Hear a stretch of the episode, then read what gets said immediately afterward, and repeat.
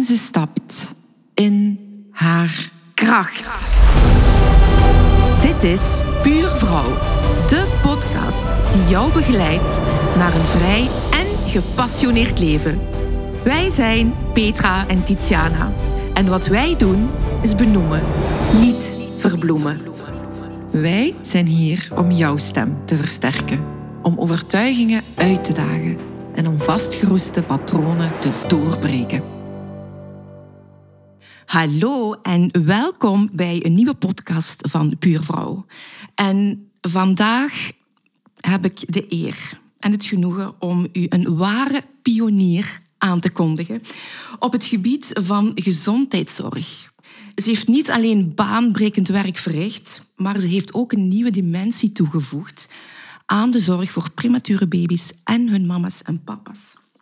Onze gast van vandaag is een toegewijde professional hè, die als geen ander begrijpt wat het betekent om ouders bij te staan bij een hoog risicozwangerschap, maar ook na de geboorte. Hè. Met een hart vol compassie en innovatieve benadering, dat kan ik toch wel zeggen, heeft ze de rol op zich genomen die niet alleen levens verandert, maar ook een diepgaand effect heeft hoe dat wij de zorg benaderen. Ik ben Keifier en uh, lieve mensen, leun achterover en laat u inspireren door het verhaal van deze straffe madame die niet alleen een nieuwe job heeft ontwikkeld in het ziekenhuis waar ze werkt, maar een lichtpuntje is voor heel veel mama's en papa's. Ik stel heel graag aan u voor Cindy Paulussen. Hallo, amai. Ja. Welkom Cindy. Dank u. Wat een verwelkoming. Daar word ik al stil van. Is het waar? Ja, amai, amai. Nee, dank u wel. Ja, mooie omschrijving, fijn. Mhm. Ja, ja het, het past zo bij u. Hè. En Cindy, de reden waarom wij u gevraagd hebben om u te mogen interviewen, is toen wij met het idee begonnen van oké, we moeten mensen gaan interviewen, vrouwen gaan interviewen die ehm, impact hebben, die naar zichzelf kijken, die groeien, die daar geen schrik voor hebben. Toen viel uw naam al heel snel. Hè. En ja, we kennen elkaar al iets langer. Hè, en daarom ook, denk ik, dat ik dat mogen volgen van dichtbij. En waar de luisteraar heel veel aan gaat hebben, denk ik, is uw pad. Want natuurlijk, je bent nu perinataal coach in het mhm. ziekenhuis in Genk. Hè. maar dat pad is ook niet over rozen gelopen. Hè? Nee, dat uh, um... kunt je wel zo zeggen. maar dat heeft mij ook heel veel geleerd. Hè? Dus dat pad, ik ben, er, ik ben er dankbaar voor. Vooral die stappen die ik op dat pad heb gezet. Aha. Hoe lastig dat die ook soms waren. En, en kunt je eens vertellen waar dat, dat begonnen is, dat pad? Ja, ik hoorde u al iets in, in in uw introductie zeggen waarvan ik dacht, mm, maar daar heb ik wel hard aan moeten werken voor eens. Hè, ik, ik hoor u zeggen, ja, Cindy is iemand die ook niet bang is om naar zichzelf te kijken. Ik denk dat je het zo ja, zei. Ja, ja, klopt. En ik dacht meteen, oh la, maar dat was ik wel. Dat was ik heel erg. En dat, ik keek ook niet... Ik bedoel, ik, um, naar uzelf kijken, dat vraagt heel veel moed om te beginnen. Want er is niks zo gemakkelijk als vooral kijken naar de wereld rondom u en zeker niet naar jezelf. Hè? Herkenbaar. Ja. ja, ja, ja. En dan de vraag die je me stelt van, ja, hoe, hoe je op dat pad geraakt? Ja, ik ben op dat pad geraakt door eerst heel lang op een rond punt te draaien, waar ik ook oké mee was, maar waar ik op een bepaald moment toch zoiets had van, hmm, is dit nog wat bij me past? Er zijn een aantal factoren geweest die mij ja, in een vertraging hebben gezet, waardoor dat ik ook over dat stukje van mijn professioneel leven ben gaan nadenken. En dat is ook het, het moment waar dat, uh, jij dan, Petra, in mijn leven bent gekomen. Omdat er een aantal facetten in mijn leven wat lastiger gingen. Mijn ouders werden uh, ziek ik wist niet goed hoe ik dat allemaal. Eh, ik, wist niet goed hoe ik alle ballen in de lucht moest mhm, houden. Hè. Mhm. Je hebt ondertussen uh, in die leeftijdsfase waarin ik zat, ik was mama van Liv, hè. ik was getrouwd met Joris, ik was verpleegkundige op de NICU, ik was dochter, ik was vriendin, ik was collega, ik was buurvrouw, ik was zoveel tegelijkertijd.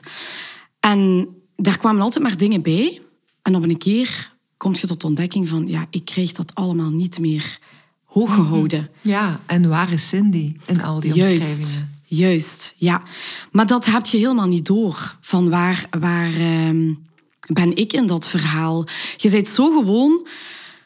Kijk, ik werk ook in de zorgsector met hart en ziel. Hè? Ik zit daar nog steeds op mijn plaats. Daar ben ik ook op een bepaald moment aan gaan twijfelen. Maar daar ben ik vrij snel achter gekomen. Jawel, ik zit wel nog op mijn plaats. Misschien moet ik een wending nemen in het verhaal. Maar je bent zo gewoon in de zorgsector om te zorgen voor...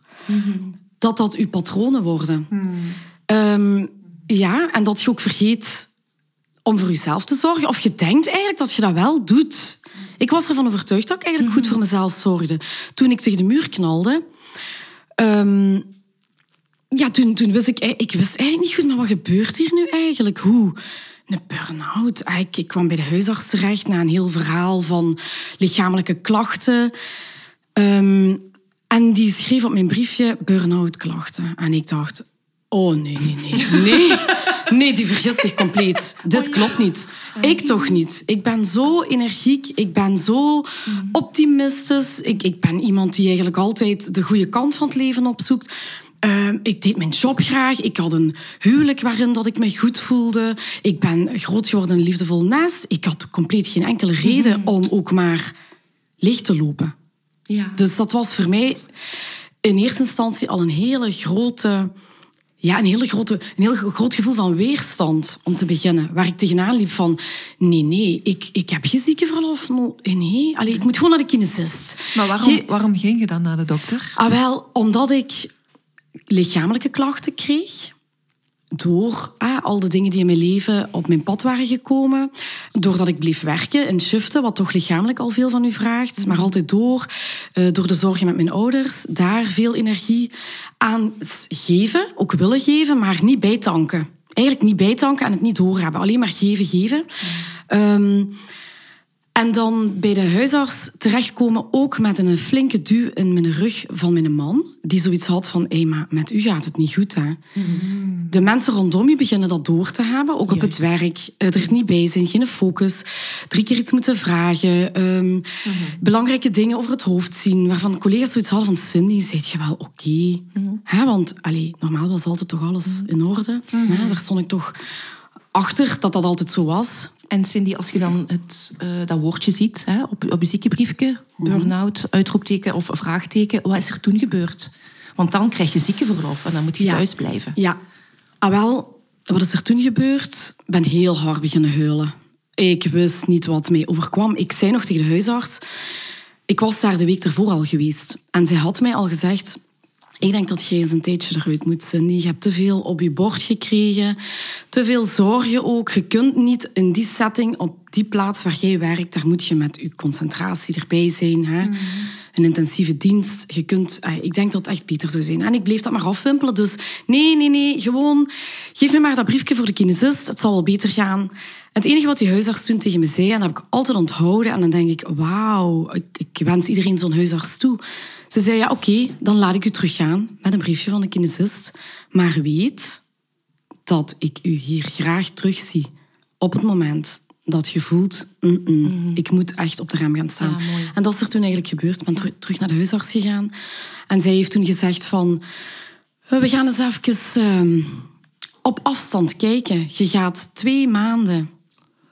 Ja, ik dacht, eh, twee maanden gaat Onmiddellijk. niet werken. Onmiddellijk. Ze had daar ook haar redenen voor. Ze zei, ik weet dat als ik mensen een maand geef, dat die al weken nodig hebben om te vertragen. En op het moment dat ze in een vertraging stilletjes komen, beginnen ze zich al terug druk te maken. Want ah, in die derde week beginnen ze al terug te denken... Ah, nog een week en volgende week moet ik al terug gaan werken. Ja. Dus die huisarts heeft mij ook heel goed ingeschat. Hè? En ze zei gewoon van, je gaat eh, twee maanden onmiddellijk. En je gaat dat doen, ja. En hoeveel maanden zit je dan thuis geweest?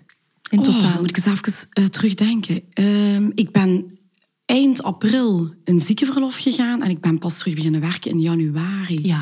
Dus ik kan even zo snel... eh, ja. Ja, dat doet er niet toe. Maar dat nee, is om doet er een- beeld- Lang, ja, twee beeld maanden. hebben. Dus Ja. ik kreeg twee maanden en dan kreeg ik nog eens twee maanden. Nu, ik moet wel zeggen, het is niet zo dat ik twee maanden ziekteverlof kreeg en voilà. Dat was het. Nee. Een maand later, dus in dat ziekenverlof, ook al had ik een briefje voor mijn werk, wilde die mij wel terugzien. Ja, ja, ja, mooi. Hè? En vond ze het belangrijk om mij op te volgen op vlak van... Kijk, ze zei, goed, je gaat om te beginnen lichamelijk Voor je eigen zorgen. Je gaat naar de kinesist gaan en je gaat rusten. En dan, als ik je terugzie over een aantal weken of maanden, ik weet al niet meer waar dat ik toen zat in het verhaal, dan wil ik dat jij een naam hier kunt eh, voorleggen bij iemand bij wie je in begeleiding gaat. Geweldig. Ja, want je kunt dat niet alleen. Je gaat, of gaat je een coach zoeken, een loopbaancoach, een, andere, een, een psycholoog. Zoek iemand in de professionele wereld die u bij de arm pakt, want jij kunt het niet alleen. Oh, oh geweldig dat een huisarts dat zegt. Ja, toch? Ja, absoluut. Het is heel fijn om te horen dat er zo bewust, uh, bewust mee wordt omgegaan door een huisarts. Ja. Ja. ja. En dus, je bent iemand gaan zoeken en je bent een herstelproces gestart. Ja, want um, om te beginnen, welk inzicht dat ik ook kreeg toen ik uit het verhaal werd geplukt. Ja, je kunt je eigen leven niet uh, onder de loep leggen. Um, de, de mooie uitdrukking van uh, you cannot see the picture when you're the frame, mm -hmm. is een hele mooie omschrijving van hoe ik dat toen zag. Van ja, kijk, je zit in een verhaal en al de mensen rondom je zien van alles en jij ziet dat compleet niet. Dus jij moet eruit stappen. Jij moet helikopterview pakken. Mm -hmm. hè? Van op afstand een keer alles overschouwen. Um, enerzijds op afstand en anderzijds intunen bij jezelf. Maar nu ben ik me aan het afvragen, je stelde mij een andere vraag. Ik ben volgens mij op een ander spoor gekomen. Nee, dat is helemaal goed. Ja? Dat is helemaal goed. Um, ja, je, je, hebt dus hulp gezocht ah, om, ja, om, in die helikopter ja, ja. Pardon, te kunnen kruipen. Mhm. En is het mogelijk, Cindy, om te verwoorden van oké, je hebt dan hulp gezocht. Het proces van ziekenverlof naar waar je nu staat. Dat is, Mhm. dat is niet alleen tijdens je ziekenverlof gebeurd, dat is ook daarna Ja, dat, gebeurd. blijft- hè. dat is nog altijd Maar- bezig. Hè? Ja, dat is nog altijd bezig. Wat is er voor u in uw herstel van burn-out key geweest om, om dit te kunnen doen? Zo'n trampoline-effect. Ja. Het zal waarschijnlijk geen trampoline zijn, want het is een step-by-step proces.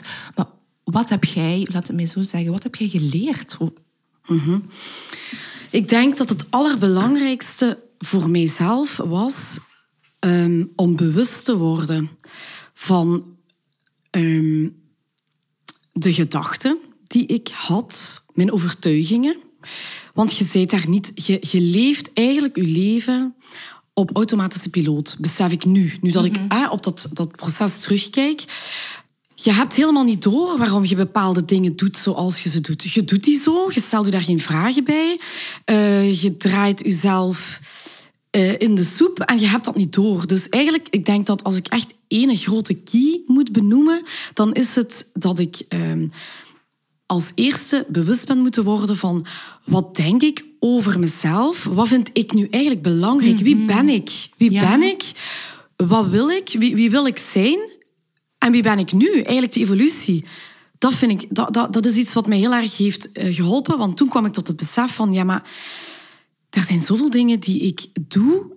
ehm, waar ik bijvoorbeeld energie in verlies. Een hele grote factor van mijn burn-out. Want ja, ik ben zo'n energiek mens. Hoe kan ik nu in een burn-out terechtkomen? Ik begreep het helemaal niet. Dat is omdat ik heel veel energie uitstrooi. Ik vind heel veel leuk. Te veel vind ik leuk. Dus ik, moest, ik moet leren kiezen. En ik heb ook beseft dat er heel veel dingen waren waar mijn energie naartoe ging, die niet het juiste waren. De dingen waar ik geen controle over had, bijvoorbeeld. En dan de combinatie met heel veel energie verbruiken en niet bijtanken. Niet be- beseffen dat je ook moet tanken. Wat was voor u in dat wat je net hebt benoemd, hè, van eh, energie verbruiken, energie niet bijtanken, wat was voor u het moeilijkste om te aanvaarden? Ehm, oei. Wilt je dat nog eens herhalen? Ja. ja. Je hebt heel veel dingen geleerd over jezelf, Ja. maar op sommige dingen botst je op weerstand. Van dat wil ik eigenlijk niet aanvaarden van mezelf. Ja. Wat was het moeilijkste dat je hebt durven in de spiegel kijken, dat een soort van sprong heeft, Sprong. Een sprong heeft doen maken van, ja, eigenlijk ehm, is dat iets wat ik al heel lang doe en ik heb dat heel lang niet willen in de ogen kijken, maar nu heb ik dat wel gedaan. Mhm. En dat heeft in mijn burn-out eigenlijk voor een heel grote jump Ja. gezorgd. Mm, ja, een vraag waar ik even... Ik weet ook niet of ik daar het juiste antwoord op kan geven, maar iets waar ik nu aan moet denken, is dat ik eigenlijk eh, tot het besef gekomen ben in die burn-out, en onder begeleiding van eh, coaching, dat ik heel erg ehm, nood had aan bevestiging van de buitenwereld altijd. En dat ik, om die bevestiging te krijgen, mij gedroeg als een chameleon eigenlijk. Dus buigen en plooien om maar bij iedereen in de gratie te vallen. Om dan ook maar schouderklopjes te krijgen. Want die schouderklopjes had ik nodig om mijzelf eh, waardig te voelen. Hè, dat, dat kwam altijd van de buitenwereld. Ehm, en een heel groot inzicht wat ik kreeg in, in het verhaal van mijn herstel was... Ja, ik, ik hou heel erg van quotes. Quotes hebben mij... Dat is ook iets wat ik pas ontdekt heb in het verhaal van burn-out. Ik ben gaan lezen, ik ben podcasts gaan luisteren van alles. En ik kwam soms quotes tegen die life-changing voor mij waren. En eentje daarvan is deze. En dat is... Jij kunt de sappigste perzik zijn van de hele wereld. Er zullen altijd mensen zijn die zeggen... Ik lust helemaal geen perziken. En ik las dat in een boekje en ik dacht... Oh my god. En ik maar buigen en plooien. En er gaan altijd mensen zijn die mij misschien helemaal niet leuk vinden. Maar ik, ik- dat hoeft ook eigenlijk helemaal niet. Ik hoef niet leuk gevonden te worden door iedereen. Ik moet- moet vooral mezelf leuk vinden, leuk genoeg vinden, waarde in mezelf vinden. Ehm, En hoe heb je dat dan concreet gedaan? Want dat is heel mooi, die quote. En ik denk dat dat ook heel Ja. Mhm. herkenbaar is voor alle luisteraars. Maar hoe doet je dat dan concreet om een sappige perzik te zijn en iemand tegenover je te hebben die Ja. zegt, ik lust geen perzik. Ja, hoe doe je dat dan concreet? Ja, ja, echt? Ah, wel, maar die quote die zit vaak nog in mijn... mijn dan, dan komt dat ineens voorbij ge, Mhm. ge- gefladderd in een wolkje. En dan denk ik, ah, voilà, ik ben het weer aan het doen. Ik ben me weer aan het buigen. Het is eigenlijk, wat helpt mij daarvan loskomen, dat is echt werken aan je zelfbeeld. Mhm. Zelfvertrouwen, dat je moogt zijn wie je wilt zijn. En dat kun je alleen maar ehm, door terug te verbinden met, met jezelf. Want kijk, je gaat zoeken naar die persoon die je wilt zijn hè? eh, in zo'n burn-out. Ja, maar wie ben ik dan? En, en, en, en wat past er dan bij mij? En, en waar zit dan die kern? En, en wat is dat allemaal? Die vragen die je krijgt van zo'n coach. Je denkt, maar jongens, ik weet het niet. Ik weet het niet hoe. Jij vertelt het mij niet. Nee, ik moet zelf zoeken. Ja, want- want dat hadden we in de voorbereiding hadden we Ja. het ook even daarover, hè, want dat was heel grappig. Ja. Petra stelde u de vraag. Welke vraag stelde jij? Waar zit? Waar zit u? Waar zit uw kern? Ja. Nee, ga naar uw kern. Ja, als ik bij u een- een- Dat was de vraag. Ga naar uw kern. Ja, in de Ja. coaching. Oh, en dan zeg je altijd... Toen ik al begon bij u, ik dacht, ik ga bij een coach aankloppen. Ja, die gaat alles oplossen voor mij. Hè? Ah, ja. Ah, ja, dus ik kreeg al de eerste vraag, ja, wat, wat brengt u tot hier? Ja, ja, ja, ik zeg, ja, het gaat me niet. Dat al eerst toe durven geven, het gaat niet. Daar heb ik al maanden over gedaan. Hè? En dan bij Petra zitten en die zegt dan... Ja, wat verwacht je dan van mij? En ik zeg, ja, ja, ik weet het niet dat je mij gaat zeggen hoe ik dit allemaal moet oplossen. Hè? En ja, jij begon heel hard te lachen, Petra. Dat weet ik niet meer. Nee, ja, ik wel. En het was niet een manier van lachen, van uitlachen. Dat Nee. niet. Het was een liefdevolle, warme lach naar mij. Zo van, maar vrouwke toch, we gaan dat samen doen. We gaan dat samen doen. Ik ga u helpen. Ik ga u zoeken naar uw kern. En ik dacht, mijn kern? Wat is dat? Waar zit dat dan? Hè? en wat heb ik ook geleerd? die, dat pelt je laag per laag. Hè? Want heel die façade moet daar vanaf. Al die overtuigingen van ik moet goed zijn voor iedereen, ik moet alles doen voor iedereen. Ja, dat moet je stilaan loslaten. En dan ook die zoektocht naar jezelf. Je denkt dus echt dat je moet gaan zoeken naar jezelf. Wie ben ik? Nee, nee. Je waart er altijd al. Je waart er altijd al. Je bent jezelf verloren onderweg door al die factoren eh, van de, om, de omgeving, dus de mensen rondom je, omstandigheden die op je pad komen, die er ook altijd bij iedereen zullen zijn en die er bij mij die er blijven komen. En daar ligt de, de, de sleutel ook om dan ja, te weten dat het goed genoeg is hoe dat je zijt. Je mocht zijn wie je zijt. En al die dingen waar ik tegenaan liep, die ik eigenlijk helemaal niet zo tof vond aan mezelf, want als je de loep gaat leggen op je eigen, dan kom je ook ja, dat, je moet daar veel moed voor hebben. En je kunt dat ook niet alleen, want dat is heel eng. Hè? Vertragen, ehm, naar jezelf kijken, ehm, je gevoel benoemen, al durven voelen. Begot nog niet weten hoe je het moet, moet omschrijven. Een emotie benoemen is al een uitdaging als je het nooit gedaan hebt. Hè? En dan ook ehm, durven zeggen, dat of dat vind ik eigenlijk helemaal niet zo leuk aan mezelf. Ja. Dat is niet erg, want je kunt dat veranderen. En dat gaf mij zoveel rust. Weten van, maar als ik het niet leuk vind aan mezelf, daar zit het. Als een ander mij niet leuk vindt, ja, sorry. Ik ben wie ik ben. Ik mag zijn wie ik vind dat ik moet zijn. En dan kom ik terug op die persik. Want je kunt toch, iedereen vindt altijd wel iets. Dus hè, u daarvan losmaken, tegen uzelf beginnen babbelen en zeggen: Ah nee, maar ik mag zijn wie ik wil zijn. Dit past bij mij, dit voelt goed voor mij. En dan. ehm, dat ook laten gebeuren en aanvaarden. En dan kom je uit bij jezelf, denk ja, ik. ik denk hè? dat je daar ook iets heel moois hebt gezegd van als ik naar mezelf ga kijken, ik kom ook dingen tegen die ik niet zo mooi vind. Mhm. Dat kan ik veranderen, maar dat kun je maar tussen aanhalingstekens veranderen als je het ook eerst accepteert dat het er is. Ja. En dat is moeilijk. Allee, ik vind dat toch een hele opgave. Tatjana, ik heb daarmee geworsteld. Ja. Want ehm, nu, ik heb hele krachtige oefeningen eh, gedaan voor mij, die bij mij passen. Misschien past dat helemaal niet bij een ander, maar voor mij werkte dat heel goed om in die eerste fase van mijn burn-out aan de slag te gaan met wie ben ik en wat voel ik en waarom doe ik wat ik doe. En dat was een oefening Ehm, ik heb dat, je gaat het zeker weten, Petra, want ik heb daar altijd eh, over gestoefd, dat mij dat heel veel over mezelf heeft geleerd. Ik zette destijds twee keer per dag een wekkertje. Dus mijn gsm die ging opeens af.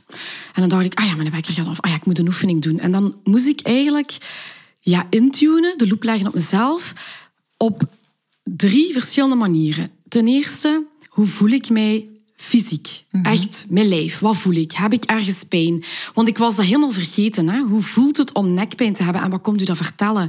Ah, ik heb een knoop in mijn maag. Oh, we- ah, ik heb het altijd allemaal genegeerd. Dus die oefening doen en voelen wat ik voelde. Dan, ten tweede, wat voel ik qua emotie? Hoe gaat het met mij op mentaal vlak? En dan op zoek gaan naar, met een lijst langs u, welke benaming past hierbij? Weet ik veel wat het verschil is tussen al die emoties? Frustratie, verdriet, boosheid, angst, teleurstelling. Ik, wil. dus dat. En dat dan benoemen, dat gaf al heel veel... Dat was heling voor mij. Dat is een stukje ah, waarvan dat ik heel erg uit die burn-out ben kunnen komen. Mezelf leren kennen.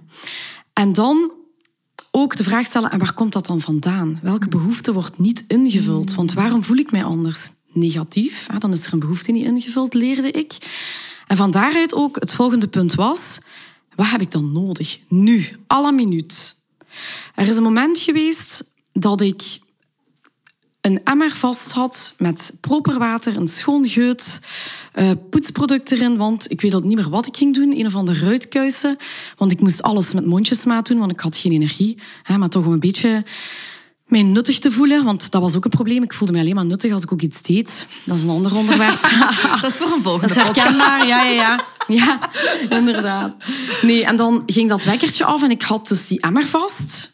Ah ja, mijn oefening. En ik was daar wel consequent in, want dat kon ik wel. Hè. Dan zeg ik, oké, nee, even zitten, gaan zitten, voelen. Hoe voelt mijn lijf? En ik dacht, oh, ik heb eigenlijk ik heb zo die zeurende lage rugpijn weer. Oké, ja, Cindy, waar heb je dan eigenlijk nood aan? Ja, oh, een kwartiertje op de zetel zou misschien deugd doen. Ja, maar ja. En dan komt die kritische stem met toeters en bellen, pomponnetjes en al op dat podium staan. Megafoon. Oh. Hallo, Ja, hallo. en die zei, ah, maar nee, nee, nee, nee. nee. ja. Jij Ja. hebt vandaag nog niks uitgericht. Jij kunt echt wel een ruitkuisen. Oh Hè? Dan hoort je die heel hard en dan daar bewust van worden van, ah, maar nee, nee, nee, nee, nee, daar gaan we niet meer naar luisteren. En dan weet ik nog, ah, hoe voel ik mij dan hier mentaal bij? Eh, en wat heb ik nodig? Ah, wel, ik heb op dat moment die emmer gepakt en ik heb die door de afvoer gegoten met alle mooie schuimende witte bubbels. en ik heb gehuild van opluchting. Ja, omdat ik dacht... Dit, oei, ja, ik klop hier op de tafel. Hè. Klop, klop maar. Ik dacht, dit noemen ze dus een keerpunt. Oh ja. Voilà, hier ben ik er. Dit is wat ze bedoelen met vertragen. De loop op jezelf. Wat heb je nodig? Wie zijt je? Moet ik dit allemaal nu doen? Die vraag stellen. Kan dat ook op een ander moment? Wat is er nu prioriteit voor mij? En zo is eigenlijk zelfzorg in mijn traject gerold om uit die burn-out te komen. En nu moet ik ook heel erg denken aan dat zelfzorgverhaal. Ja. Zelfzorg, hè? dat is... Ja, dat is nog niet eens een woord, dat is een begrip. Ja. Dat is een compleet begrip voor mij. Ja, Petra, Ja, ja, ik, zie, ik moet- je moet ja, me ik moet- onderbreken. Ja, ik moet aan iets denken. Ja. Ehm, Als we het over zelfzorg hebben, ik weet nog dat je tegen mij zei van... eh, lezen, ik heb daar geen tijd voor. Maar dat is ook Oh God. veranderd ondertussen, hè? Ja. Hoe- Heb je dat ooit? Ja, dat weet ik Vertel zelfs niet. eens. Ja. Kijk, dat is een mooi voorbeeld van als je terug op zoek gaat naar in een, in een ja, ik zat dan bij u en, en, en ja, wat, wat deed je? Wat deed je? Allee, wat, wat doet je graag, Cindy? Ja, ja eh, eh, je, je kunt zelfs op de simpelste vragen niet meer antwoorden, want je zit zo gewoon om ja, maar volle bak door het leven te gaan, dat je vergeet wat je eigenlijk in essentie graag doet. Eh, En de tijd maken voor iets, inderdaad. En dan terugkijken naar, ja, wat deed ik eigenlijk graag als kind? Toen er tijd Ja. genoeg was. Er is nu ook tijd genoeg. Hè? Dat is iets anders. Dat is een ander. Dat, dat weet ik nu, dat wist ik toen niet. Hè? Er is Ja. tijd genoeg. Het is maar waar wilt jij je prioriteit in Juist. aangeven. Hè? Ehm, maar lezen deed ik altijd graag als kind. En dat ben ik nu gaan implementeren op mijn planning die ik maak. Ja, want ik heb wel graag een beetje structuur in mijn leven. En ik heb ook geleerd dat als ik iets niet inplan voor mezelf, dan komt het er niet van. Dus ik plan net zozeer, gelijk dat ik een date, date night met mijn man heb of met vrienden afspreek, plan ik ook mijn momenten in voor mezelf om te lezen. Eh, en dat doe ik bijvoorbeeld niet alle dagen, maar regelmatig s'morgens. Omdat dat voor mij moment is. Ehm, S'avonds is het niet aangewezen, want ik lees graag non-fictie. Ik ben altijd graag aan het bijleren. Dus ik eh, wil een beetje focus hebben en nog wat energie. Dus ik doe dat altijd s'morgens. Maar dus s'morgens voor iedereen uit bed is. Bedoel Nee, je dat? nee, nee. Door, ehm, ja, er zijn wel een aantal dingen veranderd op vlak van mijn werkuren. Dus ik begin om negen uur pas te werken, maar ik sta rond een uur of zeven op. Hè. En dan heb ik tijd. Ik plan het eigenlijk echt in van half acht tot acht. Ja, fantastisch. Ik zet daar echt mijn wekker voor. Ik Ja. kijk mijn gsm aan de kant. En ik zet mijn wekker, dat ik ook niet afgeleid ben. En op een half uur hè, kun je gigantisch veel lezen. Echt waar. Je krijgt boeken... Je krijgt echt wel wat gelezen. Dus dat zijn ook inzichten die ik kreeg van... Het gaat ook niet over de grootste veranderingen. Hè? Want het is niet dat jij je...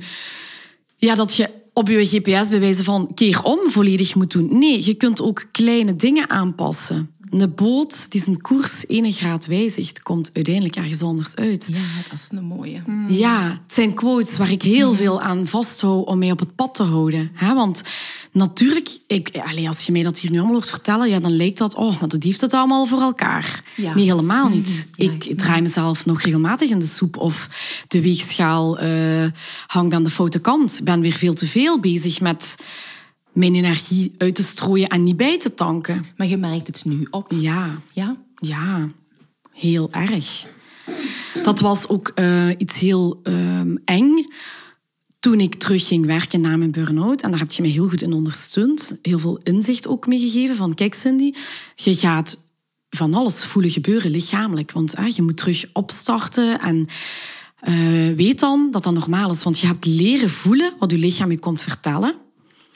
Je gaat daar gewoon rekening mee houden en af en toe een keer luisteren naar wat je lijf je vertelt. Want soms moet je nu eenmaal doordoen in een werkshift of ik zeg maar iets. Maar om het in te plannen van luister naar je lichaam en wat heb je nodig. En dat ehm, heb ik heel hard geleerd. Ja, voelen. Wat zegt mijn lijf mee? Hè?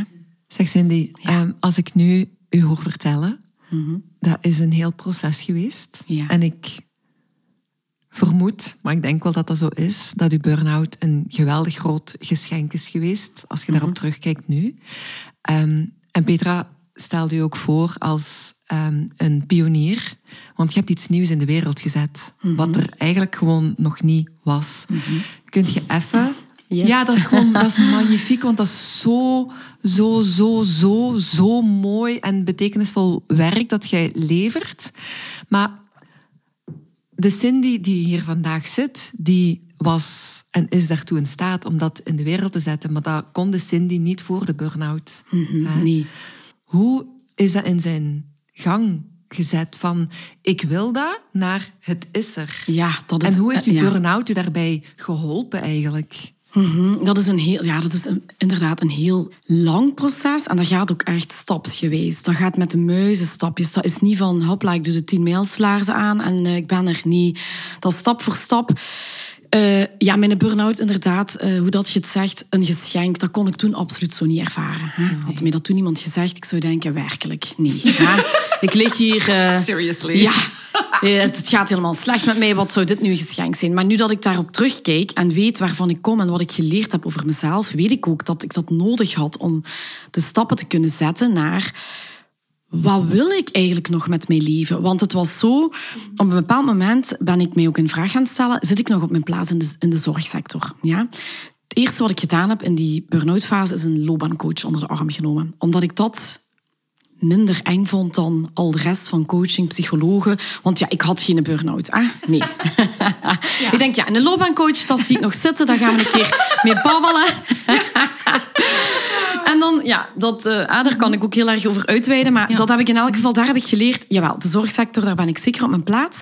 En wat zei die vrouw tegen mij? Cindy, er is één iets wat mij hier opvalt aan u.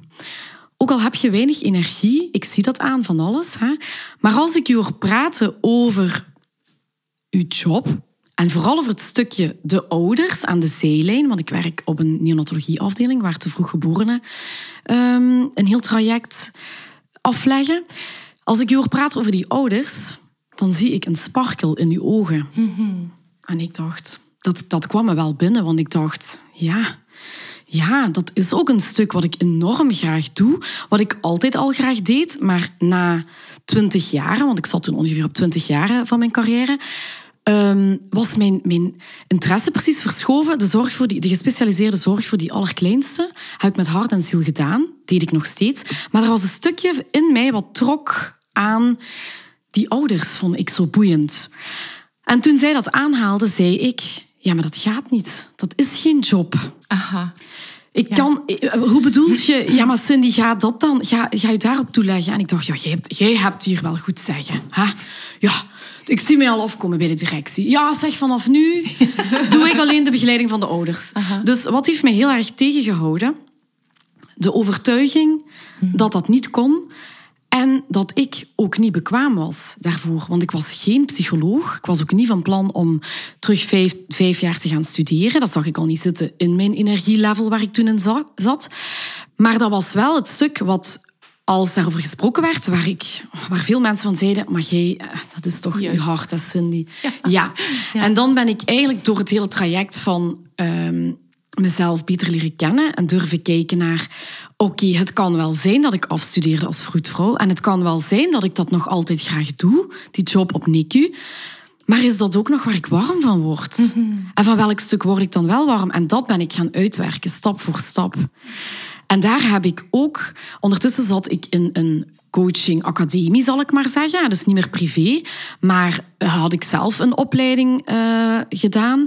Omdat ik ene keer op het pad van de zelfontwikkeling... Ja, heb ik dat ook nooit meer losgelaten. Ik kan me ook niet voorstellen dat ik het nog ooit loslaat. Ik vind het zo boeiend. Hè? En ik ben dan van daaruit verder gegaan in stap voor stap, heb ik dan nodig? Stel dat ik toch in dat ziekenhuis... Ik zag daar een groot hiaat. Ja, we hebben psychologen, goddank. Hè? Vroeger was dat niet. Toen hadden we helemaal niet het besef hoe belangrijk mentaal welzijn is. Ondertussen hebben we dat al heel wat jaren. Maar ik zag daar toch nog een hiaat tussen die verpleegkundigen uh, en die sociale dienst en die psychologen.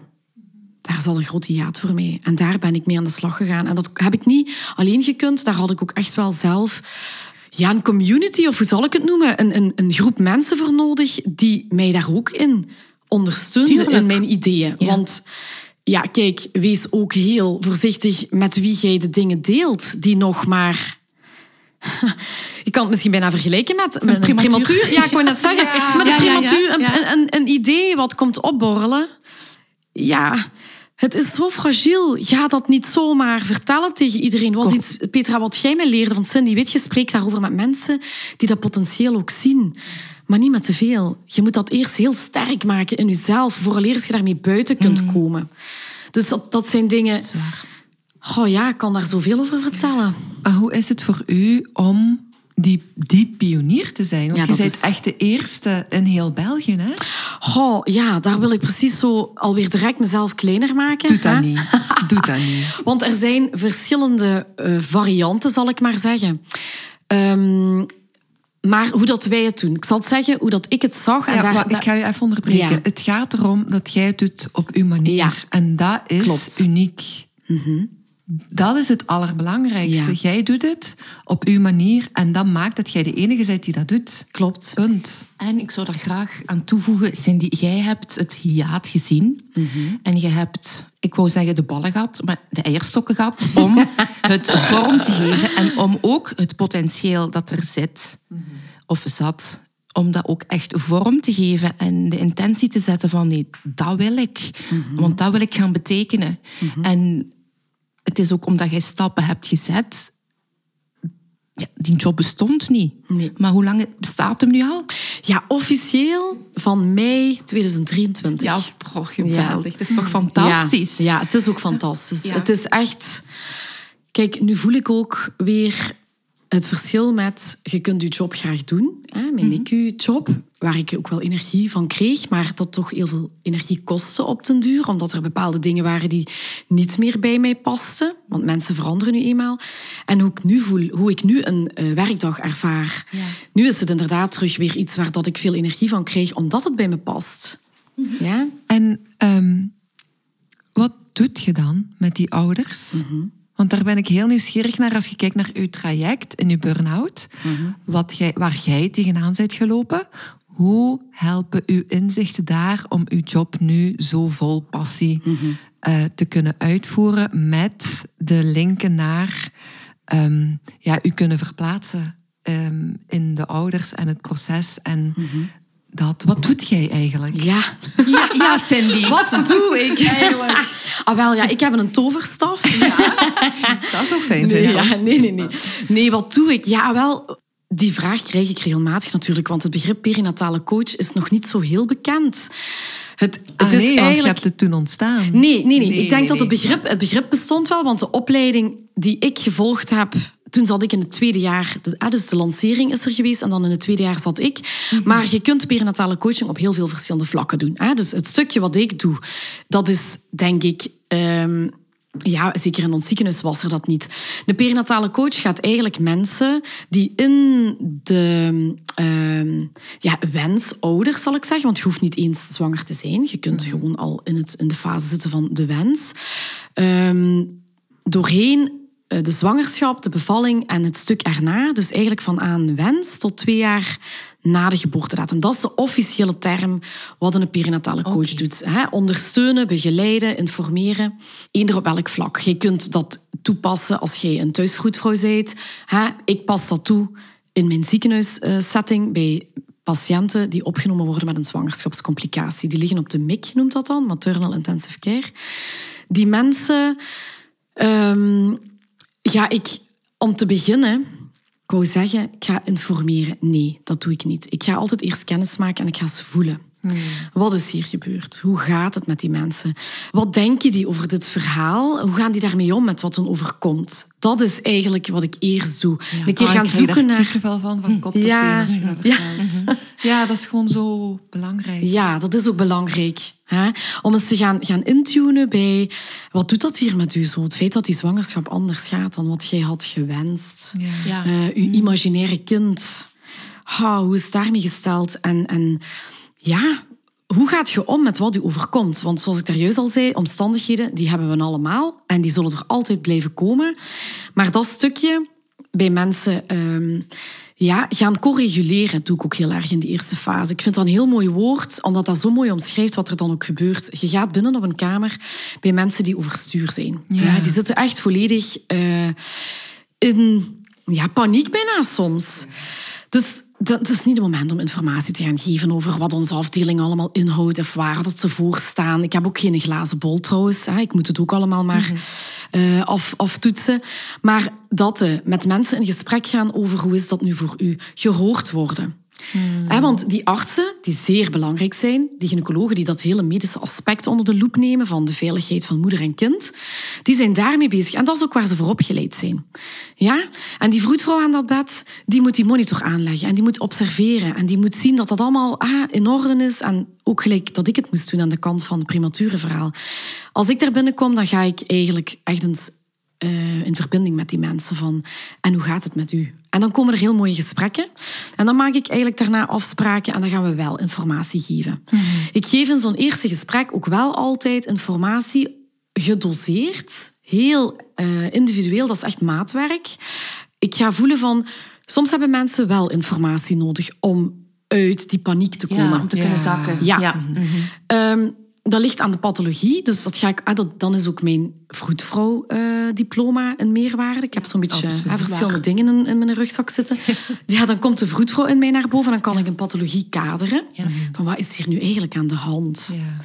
Dat geeft al rust in die onrust. En dan pas, als mensen gekalmeerd zijn en in een aanvaarding zijn gekomen na een aantal dagen, dan ga ik echt een grote blok van informatie geven. Van wat staat u te wachten als er een vroeggeboorte volgt. Want dat is niet altijd Ja, is een feit. Er zijn ook mensen die kunnen weer naar huis of die blijven zwanger en die dragen zelfs nog uit. Hè? Dus er zit een heel groot stuk informatie in mijn taak.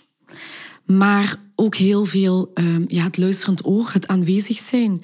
De erkenning geven. En gaat je dan ook echt coachen? Want ik kan me voorstellen, je zit op een intensive care, dat het daar soms ook ja, niet zo goed afloopt.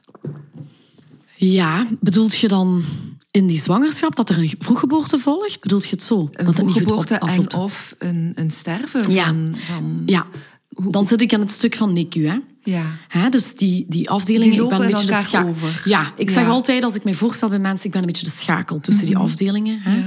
Ja. ja, zeker komt daar een groot coachend stuk bij. En dat gaat vooral over mensen ook bewust maken van hun denkpatronen. Dat doet je ook dan? Ja, ja. graag. Ja, Hè? Want daar zit ook de sleutel in eh, zakken. Mhm. In die emotie waar dat je in vasthangt. Als jij blijft vasthangen in alles wat je tegen jezelf vertelt daarover. Schuldgevoel is een hele grote Ja. bij die moeders. Oh ja. Zeker als de vroeggeboorte effectief een feit wordt. Kijk, als vrouw zijt jij... Ja, jij zijt verantwoordelijk voor die groei. Letterlijk. Dat is in uw vrouwelijk lichaam. We hebben de eer om dat te kunnen. Hè? Maar ook de zwaarte daarin. Van, ja, uw partner gaat het niet kunnen doen. Hè? Dus het is de vrouw die wel heel vaak last heeft van schuldgevoel is. En dan ga ik aan de slag met, oké, vertel mij een keer...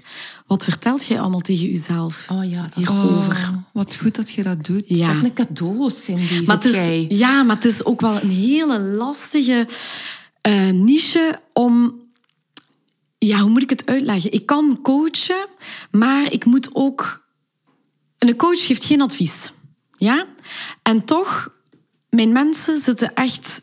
Als je het in de min, de neutraal en de plus kunt bekijken qua emoties, zitten die allemaal royaal in de min. Oh ja. Ik kan niet... ehm, eh, de vragen die ik stel zijn soms al te lastig om een antwoord op te vinden. Dus ik moet ook wel opletten dat ik doseer. Die mensen zitten eigenlijk al bijna in een traumatische ervaring. Dus het is ook heel... Het is echt, het is echt voelwerk wat ik doe. Ja, echt mij verbinden met mensen om te voelen wat hebt jij nodig, wat kan u nu helpen en dan toch ook soms dat advies geven. Maar ik vraag het wel altijd. Ja, oh, dat is mooi. Dat is mooi. Ja, dat is heel mooi. Want wat voor mij eh, helpend is, of voor de mevrouw vorige week, of de mama daarachter in de hoek, ja, dat kan voor u totaal niet werken. Dus ik kan wel altijd zeggen, kijk, vanuit ervaring zie ik dat bepaalde mensen het wel helpend vinden om puntje, puntje.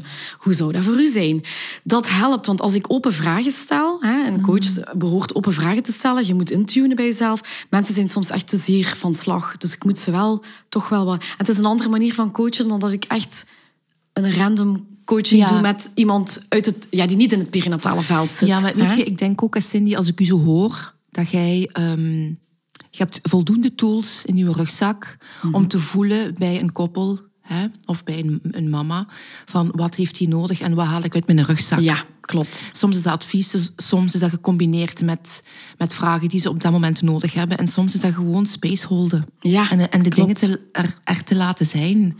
Ehm, Maar ik voel en ik zie, als ik u hoor, eh, je moet het maar uit, je haalt Ja. het uit rugzak.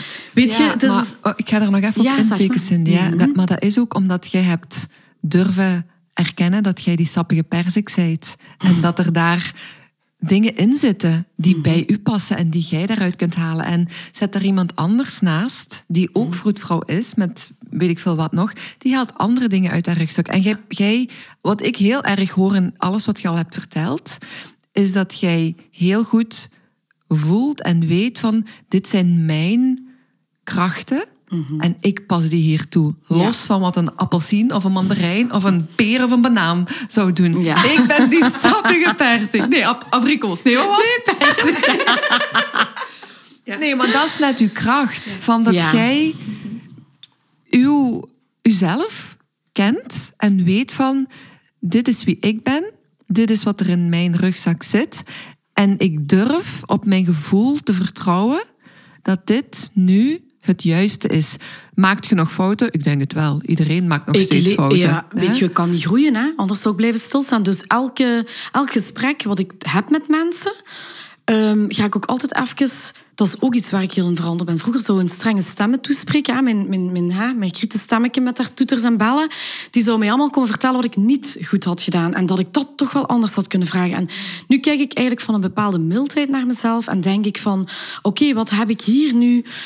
Wat heb ik hier gehoord? En ook de feedback die ik krijg van ouders is zalig. Als je Vertel vertrouwen, eens, ja, vertel eens. Als je vertrouwen krijgt van mensen, dan durven die ook zeggen.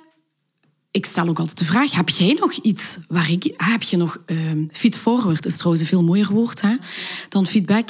eh, waar dat ik mee verder kan. Ehm, want ik wil ook heel graag leren van jullie. Zijn er dingen die je gemist hebt in dit gesprek? Eh, of zijn er dingen die juist te veel aanwezig waren? Heb ik te veel, is de informatie oké of was het te veel? Want ik probeer het altijd te voelen. Ik doseer het. Het is bij iedereen anders. Daarom heb ik ook tegen het management gezegd... Nee, nee, nee, nee, nee. Ik kan niet werken met een video of dit, ditje of datje. Ik moet voelen. Ja. Wie zit hier? Wat hebben die nodig? Hè? En ehm, ja, als je dan feedback krijgt van mensen, is dat wel heel fijn om de volgende keer nog alerter te zijn op... Ah ja, hier moet ik wel opletten. Oké, Cindy, geef ons eens de mooiste feed forward dat je al hebt gekregen dat uw hart heeft toen... Jumpen. Ja. Oh, oei, oei. Ja. Dat weet ik niet. Jawel. Oh, de mooiste. de mooiste. Hmm, ehm, ik wilde er eigenlijk een gewone aanhalen, maar dat is, het was niet de mooiste. Het was gewoon een, een, een, een leerpunt voor mezelf. Maar dus nee, daar ga ik even gewoon niet op inpikken. Die met haar pomponnetjes hoeft nu niet te komen. Nee, nee, nee. Het was gewoon een, een, een, een, een tip die ik van een vader kreeg. Dat was heel waardevol. Want trouwens wil ik ook heel duidelijk gezegd hebben, ik werk niet met mama's. Ik werk met De ouders. koppel. Ja. Ja. Maakt niet uit. Ja. Man, vrouw, plus ouder. Eh, als er een oma een vraag heeft, die ga ik ook graag. Ja. Hè? Maar de mooiste... Oh, kijk, zie. Nee, Ja. ik, heb, ik kan er nu niet op antwoorden, want ik sla dat dan precies toch nog niet genoeg op. Dat is nog een werkpunt, hè? dat ik moet denken... Weet je, mensen zeggen mij wel... Cindy, als we u niet hadden gehad, Ja, dan waren wij heel, op een heel andere manier door dit traject gegaan. Bijvoorbeeld alleen al door... Ik gebruik zo graag metaforen, omdat mensen dat goed onthouden. Als ik het heb over het traject van het kind op NICU, dan zeg ik altijd tegen mensen... Kijk, vroeger werd er gezegd, ook door mij... Ja, een prematuur die zet twee stappen vooruit en een stap achteruit in zijn ontwikkelingsproces. Dat is zo. Maar eigenlijk is dat niet juist gezegd, want zo'n prematuur werkt zo hard, die gaat geen stap achteruit. Zelfs niet als het een dag minder goed gaat, of wij moeten terugschroeven op vlak van voedingsopbouw, of er komt een infectie en we hebben antibiotica op start nodig. Dan nog wil ik het niet zien als een terugval. Dan zeg ik tegen de mensen, kijk, probeer een keer een andere perceptie toe te passen. Als jij thuis vertrekt en je wilt in het zuiden van Frankrijk uitkomen, kunt jij ook niet thuis in uw auto stappen, de autostrade pakken en parkeren voor de deur aan het huis waar dat jij je, eh, je boeltje geregeld hebt. Dan moet jij ook een keer naar de wc, een keer iets eten. Je hebt misschien eh, een lekke band of een hagelbui. Je moet een keer tanken. Zie dat ook als je kind staat even te tanken. Oh ja. En dat is wel een metafoor waar ik al regelmatig voor bedankt werd, waarvan mensen zeggen, doordat jij mij dat op voorhand hebt geleerd, om zo te kijken naar mijn kind, voelt het ook niet zo negatief. En ben ik niet verdrietig geweest. Ik heb wel even zorgen gehad, maar ik dacht meteen, ah nee, nee. Cindy heeft me gezegd, dit hoort bij de weg, dit moet ik uit respect voor mijn kind anders bekijken. En evenzeer zeggen, wauw, mijn lieve schat, dit heb je goed gedaan. Ook al gaat dat wat lastiger vandaag. En dat geeft mensen draagkracht. Dat is ook zo'n woord wat ik graag hoog hou. Draagkracht creëren. Dat is ook een stuk wat ik doe in het coachende. De mensen veerkrachtig houden, want zo'n traject duurt soms vier maanden. Hè? Ja, want ik ook, eh, ik kijk naar de tijd. Ja. Eh, en eh, als de mama ehm, uit het ziekenhuis ontslagen wordt met uiteindelijk ook het kindje, de baby, als die niet meer eh, ja, Bij ons moet zijn, Ja. ja. Wat dan? Laat je ze dan los? Helemaal. Trek er uw plan mee. Nee, nee, nee, nee, nee, helemaal niet. Het is heel fijn, sowieso vanuit de medische setting. Is er voor ex-prematuren, eh, voor heel veel ex-prematuren, bepaalde criteria eh, wordt rekening mee gehouden, is er een, een follow-up. Dus er is sowieso vanuit een team eh, neonatologen, de kinesist, logopedist, die de opvolging doen van het stukje verdere ontwikkeling. Maar dat gaat eigenlijk vooral over het kind. Hè. Ja, inderdaad. Waar zitten die ouders dan weer in dat verhaal? En dit is ook heel fijn en dan ben ik zo blij dat ik hier geraakt ben op dat punt. Ik ben ook perinatale coach sinds kort in een praktijk. Heb ik een nieuwe discipline die ik daar mag invullen. En eh, daar kan ik mensen nog verder begeleiden, als ze dat willen. Ja. Wat heel fijn is, is natuurlijk dat ik hun heel verhaal ken. Ja. Dat maakt het verschil met op zoek gaan naar ondersteuning eh, bij iemand die dan nieuw is in het verhaal. Dus dat is heel fijn. Nu, daar wil ik wel met enige voorzichtigheid en ook met het feit dat ik er heel bewust van ben, ik ben geen psycholoog. Ja. Dus als er dieper werk nodig is, zoals echt wel traumaverwerking, door de geboorte of door toch bepaalde dingen die op het pad komen bij mensen en die ze niet kunnen loslaten, dan ben ik ook diegene die doorverwijst. Hè? Dus het is niet zo dat ik zal zeggen, ah, maar kom, ik kan hier iedereen. Juist. Er is een verschil tussen therapeutisch werk en ondersteuning en begeleiding.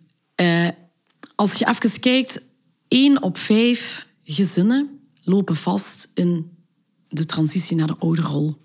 Ja, dat is 20 procent. Van die 20 procent is maar 5 procent die echt nood heeft aan bijvoorbeeld psychiatrische ondersteuning hè, van een psychiater of psycholoog. Ja. De rest heeft ook al heel veel aan ja, eh, inderdaad. De, de, de term coach die er gekomen is. Hè, die- deze functie ook in de perinatale coach kan zoveel betekenen.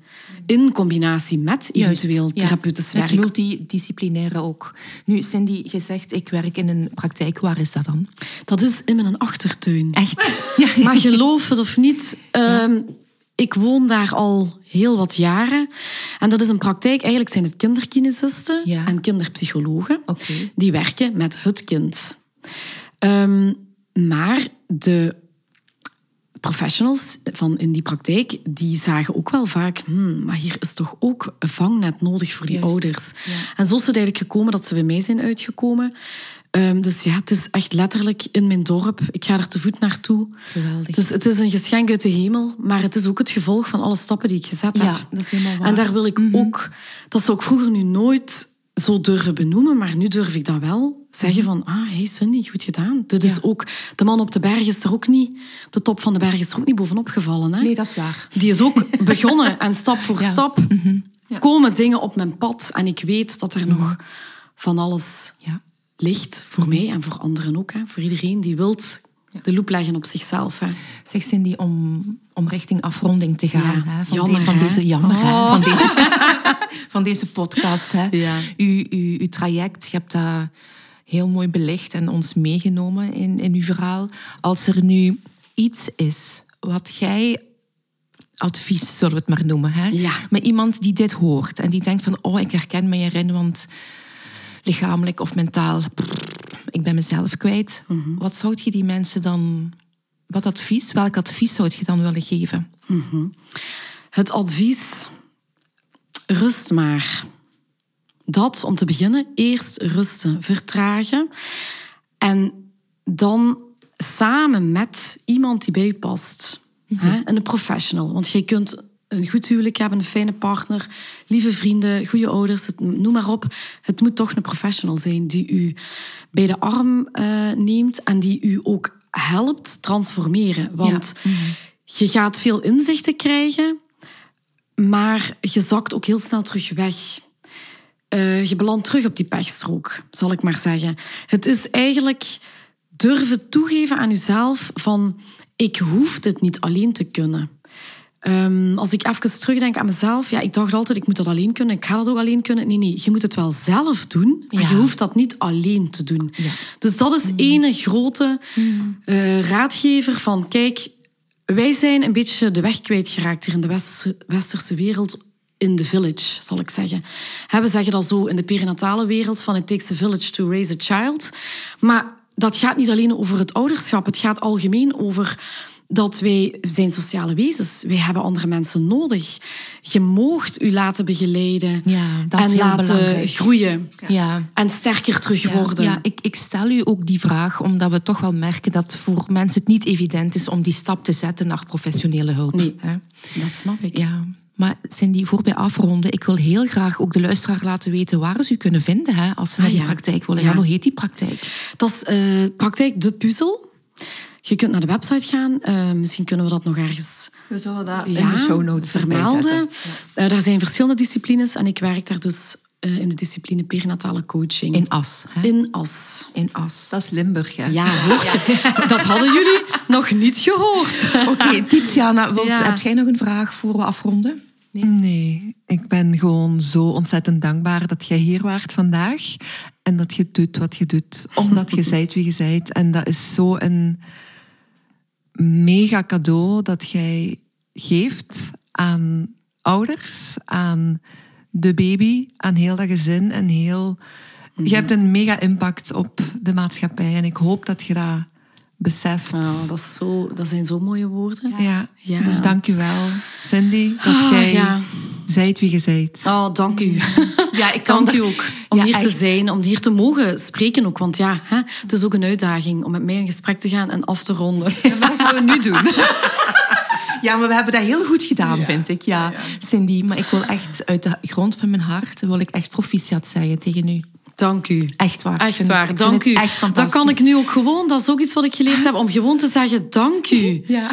En niet dank u, ja, maar ja. Nee, nee, gewoon dank u. Ik heb ook hard gewerkt. Ja, dat is waar. Met een T en een D tegelijkertijd.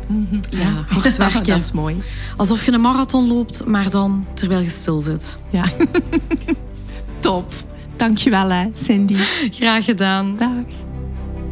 Hey, pst, wacht eens even. Wilt je ook deel uitmaken van de verandering? Deel dit dan met jouw netwerk.